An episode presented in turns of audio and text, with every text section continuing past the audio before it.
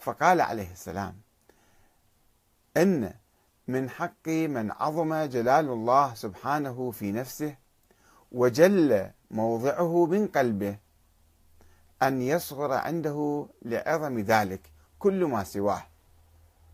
وإن أحق من كان كذلك لمن عظمت نعمة الله عليه ولطف إحسانه إليه فإنه لم تعظم نعمة الله على أحد إلا ازداد حق الله عليه عظما.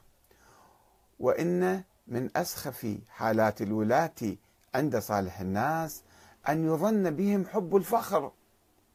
وهذه مشكلة مصيبة يعني بلاء كل كل مسؤول شوية يحصل له مرتبة أو منزلة أو منصب يطير بالسماء. أن يظن بهم حب الفخر ويوضع أمرهم على الكبر. أنه هذا رئيس زعيم ما نتمكن نحكي معاه أو نتكلم معاه. وقد كرهت أن يكون جال في ظنكم أني أحب الإطراء واستماع الثناء.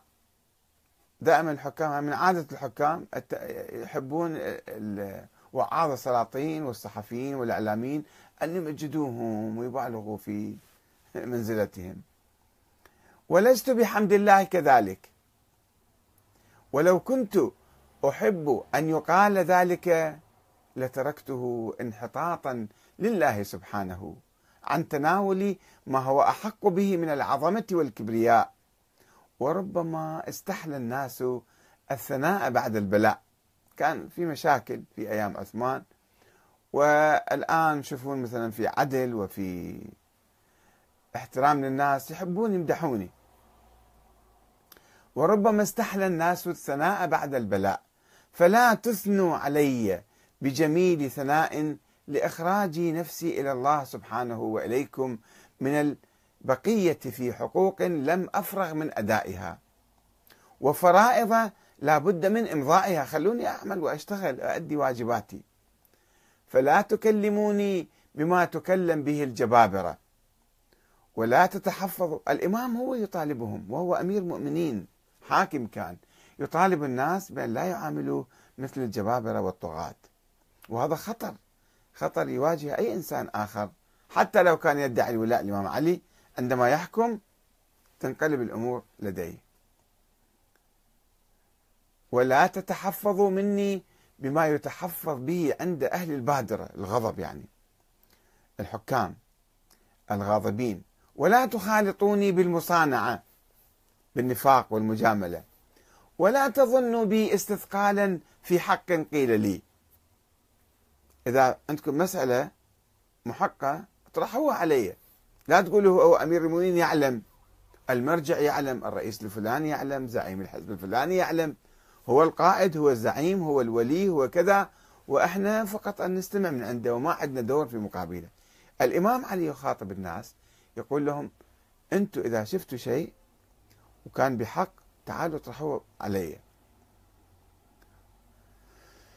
ولا تظنوا بي استثقالا في حق قيل لي ولا التماس أعظام لنفسي حتى ما أقبل أي نقد أو أي أي توجيه. فإنه من استثقل الحق أن يقال له أو العدل أن يعرض عليه اعدل مثلا بكذا وكذا كان العمل بهما أثقل عليه. فلا تكفوا عن مقالة بحق أو مشورة بعدل. فإني, في فإني لست في نفسي بفوق أن أخطئ ولا آمن ذلك من فعلي إلا أن يكفي الله من نفسي ما هو أملك به مني.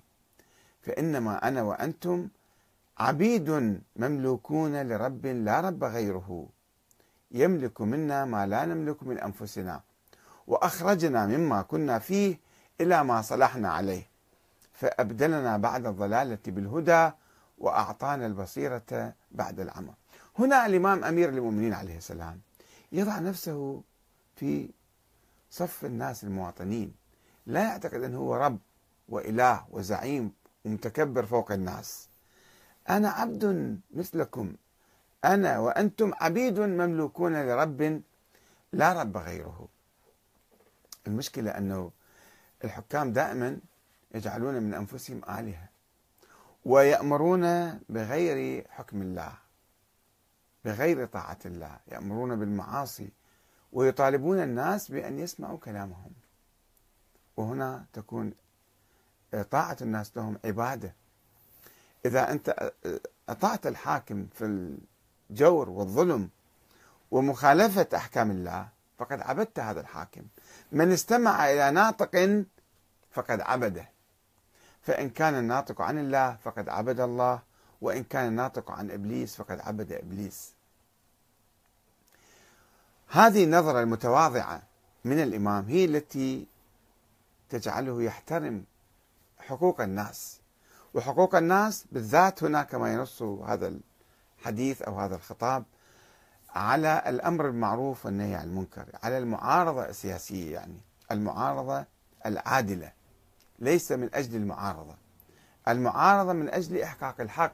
مساعدة الإمام في الحكم بالحق والعدل. وهذه هي الشورى. الإمام عندما يطرح حق الناس في الاختلاف والمعارضة والتوجيه والنقد هذه هي الشورى. يعني يستمع إليهم أيضا. الشورى الشعبية. ربما الإمام علي لم يشكل مجلسا للشورى ولكنه احترم إرادة الناس احترم حقوق الناس العامة وطالبهم بأداء أدوار نقدية وسياسية في دولته عليه السلام.